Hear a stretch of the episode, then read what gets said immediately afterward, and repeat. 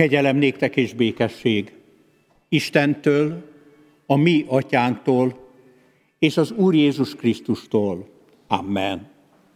Ünneplő gyülekezet, szeretett testvéreim az Úr Jézus Krisztusban, hallgassátok meg a mai ünnepnap levélbeli szent igéjét, amint azt megírva találjuk Pálapostolnak a korintusi gyülekezethez írt második levelében, a negyedik fejezet ötödik versétől a következőképpen. Pál ezt írja, nem önmagunkat hirdetjük, hanem Krisztus Jézust, az Urat, önmagunkat pedig, mint szolgáitokat Jézusért. Isten ugyanis, aki ezt mondta, sötétségből világosság ragyogjon fel, ő gyújtott világosságot a szívünkben, hogy felragyogjon előttünk Isten dicsőségének ismerete Krisztus arcán. Ez a kincsünk pedig cserépedényben van, hogy ezt a rendkívüli erőt Istennek tulajdonítsuk, és ne magunknak. Ez az ige hirdetés alapigéje. Foglaljunk most helyet.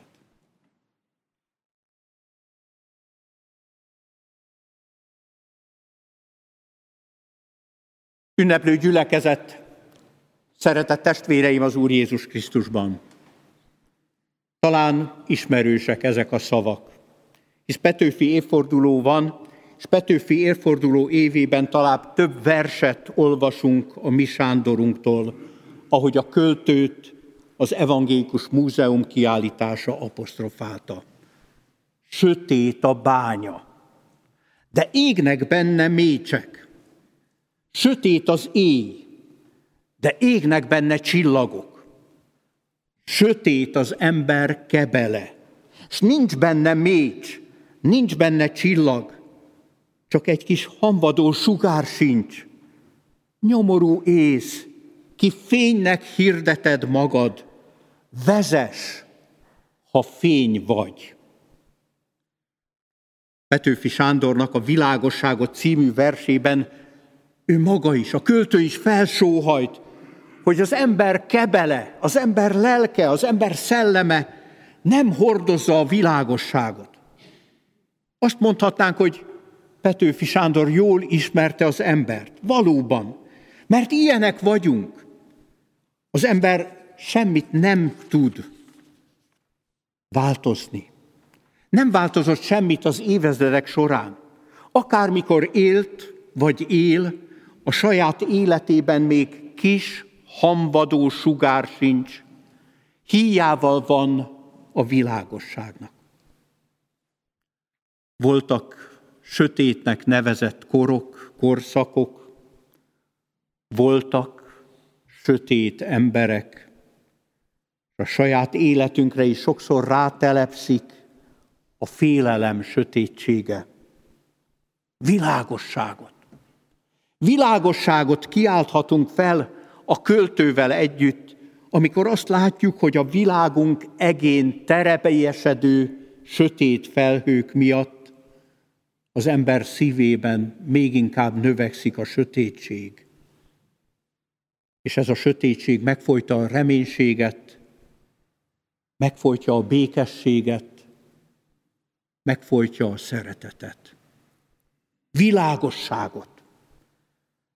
Csak hogy a mi Sándorunk akkor közgondolkodása szerint az emberi észtől, az értelemtől várta azt, hogy világossá tegye az utat, az utat, amelynek az ember, amelyen az embernek járnia kell.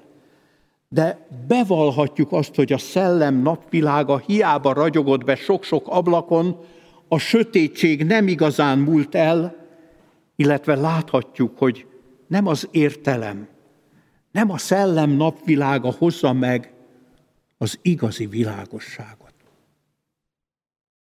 Pálapostól, aki a korintusi gyülekezettől sokféle támadást szenvedett el, egyhajta homályban volt akkor is, amikor ezt a levelet írta.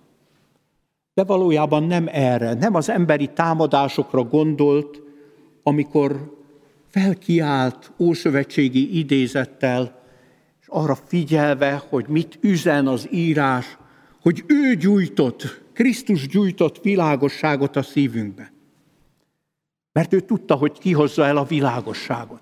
Ott, amikor ment a damaszkuszi úton, akkor a szívében ott rejtőzött a gyűlölet sötétje, nem csak rejtőzött, hanem ki is világlott, ki is sugárzódott, indulattal, düvel indul Damaszkusz felé a keresztények és Krisztus ellen, és a Krisztus tagadásból az apostoli útra léphetett.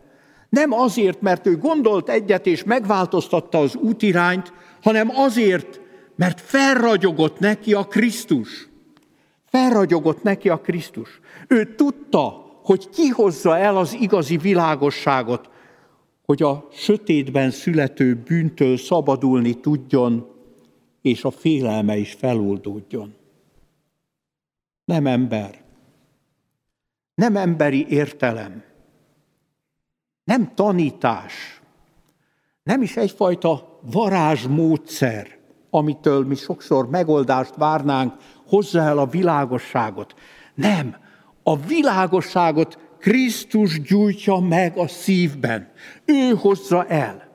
Nem Pálapostól, nem is Augustinus, nem az egyház nagyjai, és még ha szeretnénk mi evangélikusok sokszor ezt hangsúlyozni, nem is Luther Márton, nem ő hozza el a világosságot, hanem Krisztus gyújt világosságot a szívekben. Igen, ő neki köszönhetjük ezt. Isten munkálkodik így. Gondoljuk csak a teremtés történetre. Isten ős robbanás erejű szava hangzott. Legyen világosság. És ebben a szóban ott volt a teremtő erő. Mert az Isten világosság, gondolhatunk az apostoli bizonyság tételre, Isten világosság, és nincs benne semmi sötétség, és ott, ahol Isten alkot, teremt, ott világosság lesz. Isten világosság, és nincs benne semmi sötétség. Emlékezzünk Krisztusra, aki elhozta nekünk a világosságot, aki ezt mondta, én vagyok, én vagyok a világ világossága. Milyen egyértelműen, és milyen sokoldalúan mutat rá a Szentírás arra, hogy nem az ember képessége a világosság. Még akkor sem, hogyha bizonyos korokat mi felvilágosodás korának nevezünk, nem az ember tulajdonsága, nem az ember képessége. Isten Krisztus által gyújt világosságot. Ő, Krisztus gyújtott világosságot a szívünkben. Az evangélium itt kezdődik. Azt, amit az ember még a legmodernebb világítás technikával sem tud elérni, amit az ember mindenféle felvilágításon és átvilágításon átesett ember a maga erejéből nem képes megtenni, azt Isten cselekszi meg. Mert mi képtelenek feldol- vagyunk feldolgozni, képtelenek vagyunk feldolgozni azt a mérhetetlen űrt, ami elválaszt bennünket az Istentől. És ez a véghetetlen űr igazán sötét. Ezt az űrt nevezi a Szentírás bűnnek.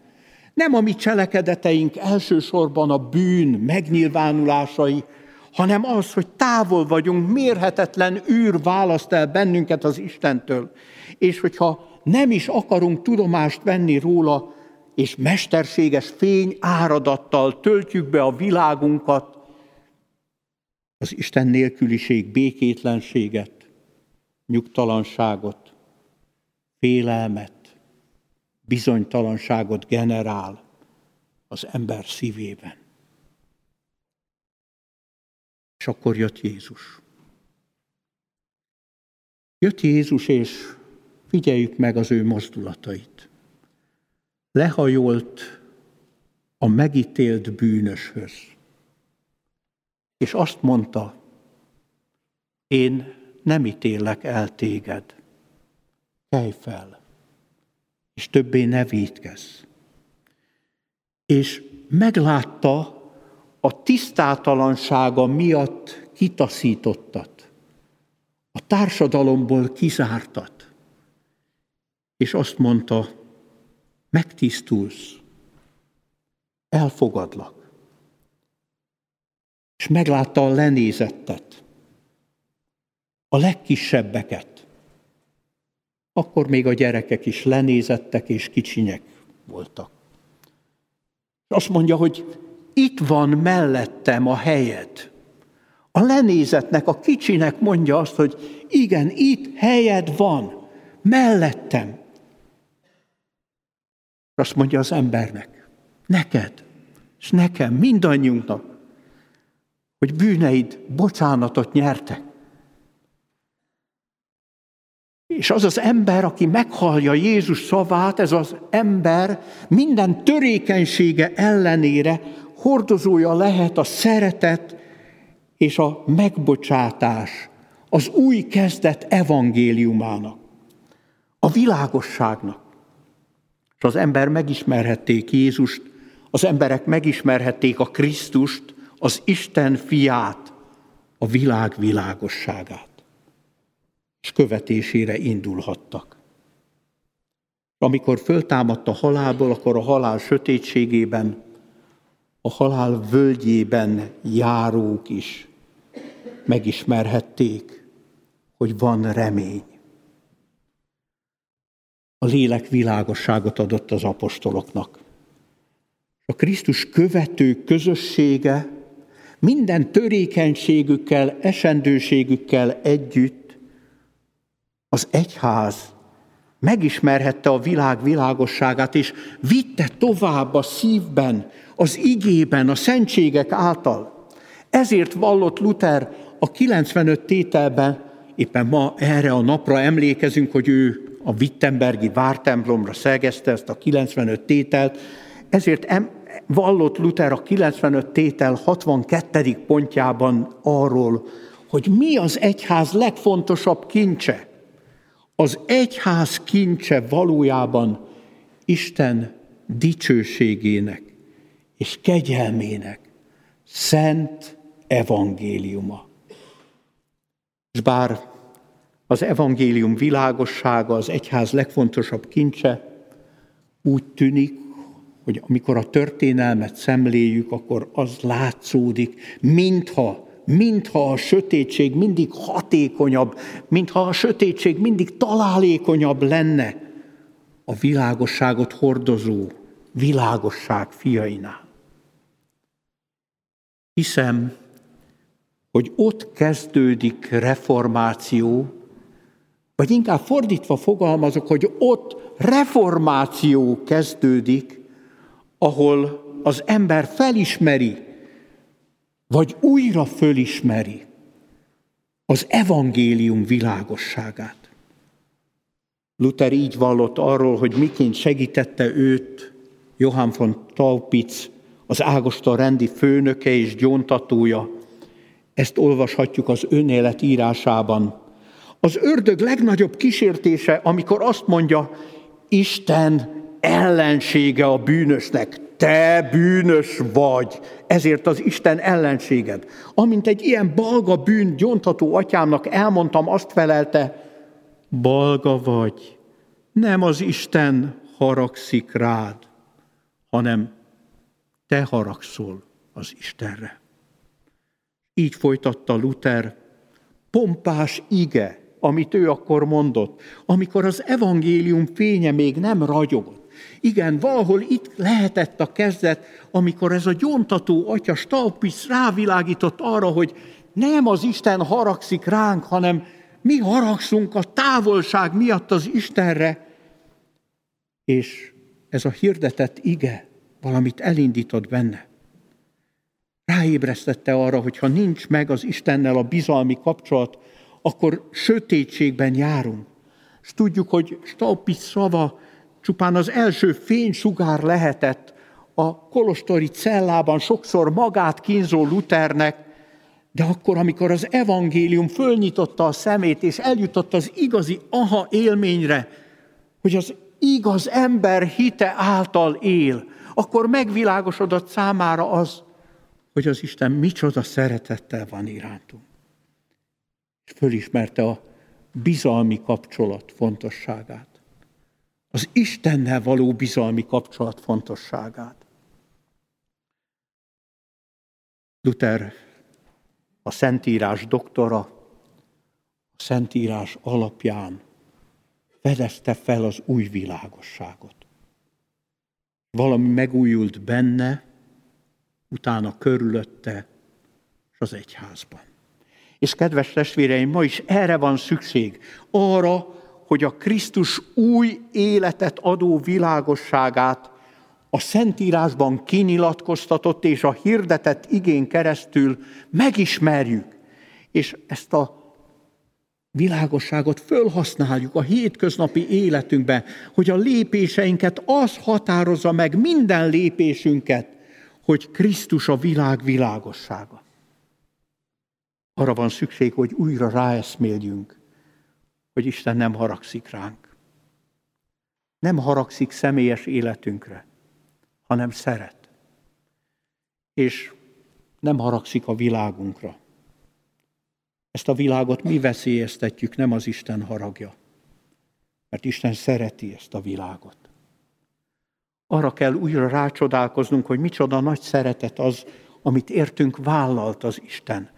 Amikor Krisztusban lehajolt, megbocsátott, felvette a mulandó életünk terhét, és megmutatta halálával és föltámadásával, hogy a mulandóság közepette vergődő létünkben egyedül ő adhat reményt mindannyiunk számára.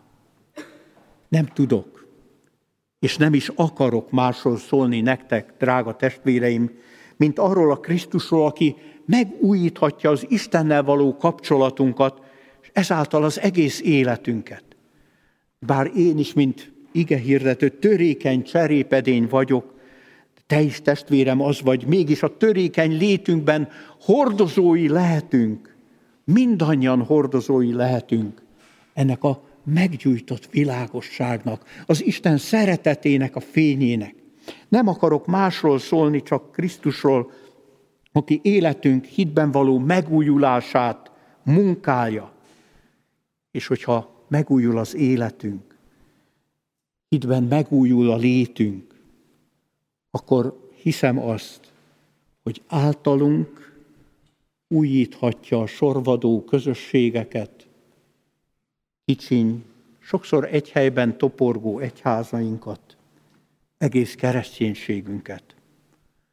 Általunk újíthatja, gyógyíthatja sok sebből vérző világunkat.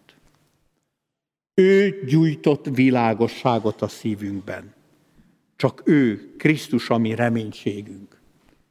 Ő legyen a békességünk. Amen. Urunk, reát tekintünk ezen az ünnepen.